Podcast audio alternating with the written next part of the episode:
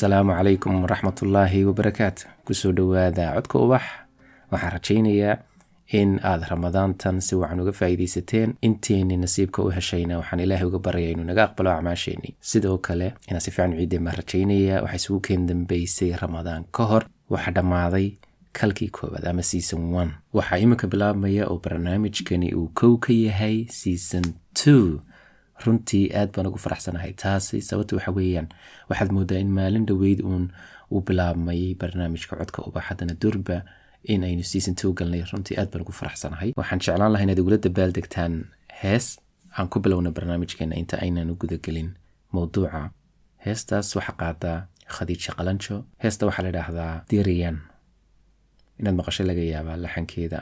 Diriyan oho diriyan diriyan ahey waa iyada haddaba heestani marka laga tago farshaxanimadeeda kale waxaa sii qurux badnaysiiyey koox etoobiyana oo dib u soo qaaday oo la yidhahdo janaband heestan oo ay si toosa uga qaadeen mar ay ku sugnaayeen dalka maraykanka ila dhegeysta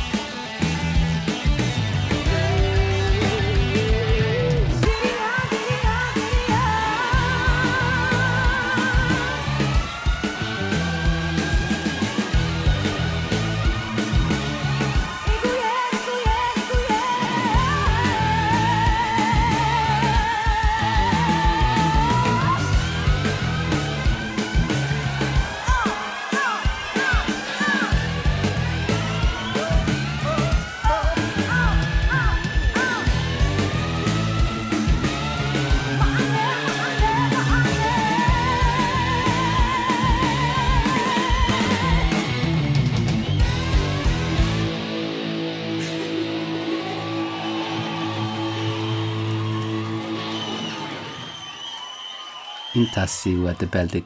Waxaan jeclaan lahaa in aanu isweydiinno waa maxay muhiimadda ay leedahay inaad qiimayso waxa aad haysato? In aad qiimayso waxa aad hesho? Inaad mahadnaqdo se inaad qanaacad yeelato lafteedu sidii ayay nolosheenna u saamaysa. Waxaa suurtagal ah in xilligan lagu jiro ay badan tahay waxyaabaha taban ee dunida ka socda. Xanuun aan la garanaynin meeluu u socdo iyo halka uu ku dambayn doono ayaa adduunkii casriga ahaa mar keli ah joojiyey oo albaabada u laabay marka taas laga tago maalmahan u dambeeyey waxaynu arkaynay booliska caddaanka ah ee maraykanka oo aad moodo inay sida xayawaanka u ugaarsanayaan dadka madow. Ayax fara badan ayaa dunidii ku habsaday oo kolba meel ku degaya. Duufaano ayaa ka socda indiya tusaale ahaan dhowlgariir baa meel kale ka socda. Kubaddan yar ee aynu saarannahay waxa aad moodaa inaanay hawli ku yarayn sanadkan labada kun iyo labaatanka. Haddaba waa markan oo kale marka ay tahay in laisxasuusiyo in dhanka san la eego in lagu qanco waxyaabaha kale ayna farxad geliya in mahadnaqa eebba la badiyo in dadka kula nool laftooda loo mahadnaqo waa markan oo kale marka ay qiimaha gaarkaa samaynaysa waayo marka ay wax waliba hagaagsan yihiin way ka fudud tahay. Maalin dhoweyd ayaanu wada joognay qof ay dhacdo xanuun kulol ku dhacday. Galab ay cadceedu daruuraha dhabarkooda ku dhuumanayso ayaanu meel bannaana wada fadhinay. Waa xilligan uu jilaalku dhammaaday gugiina bilowga yahay. Waa marka ay caleemaha geeduhu aanay soo wada bixin ee aad moodo inaanay weli go'aan qaadan ama qaarkood ay isweydiinayaan sababta ay u soo baxayaan imika marba haddii maalin dhow uun marka dayrta la gaadho ay daadan doonaan. Waa marka ay muuqato quruxda ka dhexaysa nolosha iyo geerida ee geedku sida tooska ah kuu tusayo. Sidii aanu uga sheekaysanaynay orodkii aanu soo galnay daqiiqadihii u dambeeyey iyo sida aanu u daalanahay ayuu mar keli ah mawduucii beddelay. Wuxuu weydiiyey bishu ma tobanbaa aniga oo la yaabay sida uu uga fog yahay taariikhda saxda ah ee maanta ayaan ku idhi maya waa laba. Maxaad ku keentay ayaan sii weydiiyey bal inuu faahfaahin iga siiyo su'aashii hore iyo dabcan aniga oo iska raadinayay hadal. Jawaabtii uu i siiyey ayaa wax badan iga beddeshay waana tay igu dhalisay mawduuca barnaamijkan. Wuxuu igu jawaabay tobanka bishu waa maalintii ay inantaydii yareed iga dhimatay. Sidaas darteed bil kasta tobankeeda iyada ayaan si gaara u xasuustaa. Inantiisu waxa ahayd lix jeer markii ay dhimatay dhowr bilood oo keli ah ayaa ka soo wareegtay geerida. Waxa uu ii sheegay inuu booqdo xabaasheeda. Uuna xasuusto sidii ay saaxiibka dhow u ahaayeen una wada ciyaari jireen. Isaga oo markan ka soo jeedsanaya dhankii uu eegayey iyo jidkii ay dadka jimicsanaya ordayeen ayuu igu yidhi ismaaciilow ma arkin weligay xanuun ka daran midka uu waalidku dareemo marka uu ilmihiisa aasayo. Marka uu intaas igu leeyahay ee dareenkayga oo dhan isbedelay haddana wuu dhowla caddaynayay waxaana uu hadalkiisa ku soo gebagabeeyey alxamdu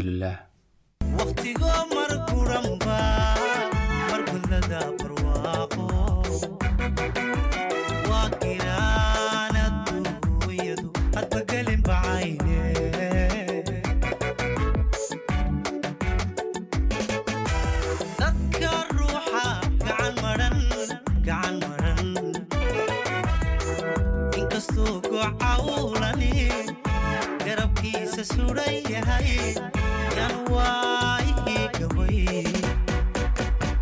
ugu odhan gobmaawo waxaad gelinba aragtiyo hadbadhaaya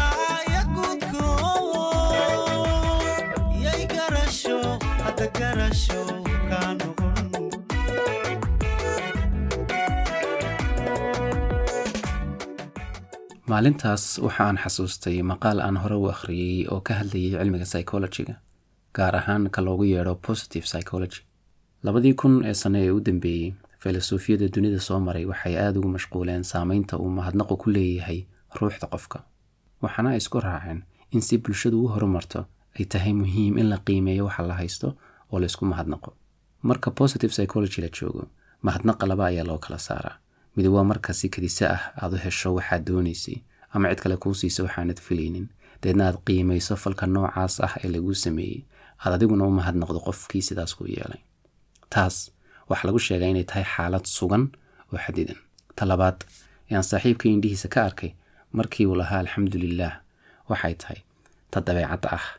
Wax lagu qeexaa inay tahay miduu qofku isbaray joogteeyey in badan aaminay inay tahay jidka saxda ah deedna uu mar kasta xaalad kasta oo uu ku jiro uu ku xamdi naqayo dabcan ilaahina sida uu sheegay haddaynu ku xamdi noqno waxaynu haysanno isna waynoo siyaadinayaa galabtaa aniga iyo isaguba goobtii waanu ka kacnay. Sidaas ayaanan ku hoyday aniga oo intii hore ka culus. Aadna moodo in aan murugadiisii qayb ka mid ah aan ka soo qaatay oon anigu tun ka soo saartay. Se haddii ay intaasi qalbigiisa ka khafiifinayso miisaankii saarnaa waan ogolahay inaan qaybtaas la hoydo muhiimaddu waxay tahay. Way fududdahay in waxyaabaha inaga xumaada aynu xoogga saarno. Way fududdahay in cid ama xaalad gaara la eedeeyo balse waxba ma soo kordhinayso aan ahayn culays kale. Waxaa ka dooroon inaad dabeecad ka dhigato xamdinaq iyo dhanka wanaagsan oo aad ka eegto. Waa run oo ma fududa se haddii aad ku guulaysato waad ka fududaanaysaa sidii hore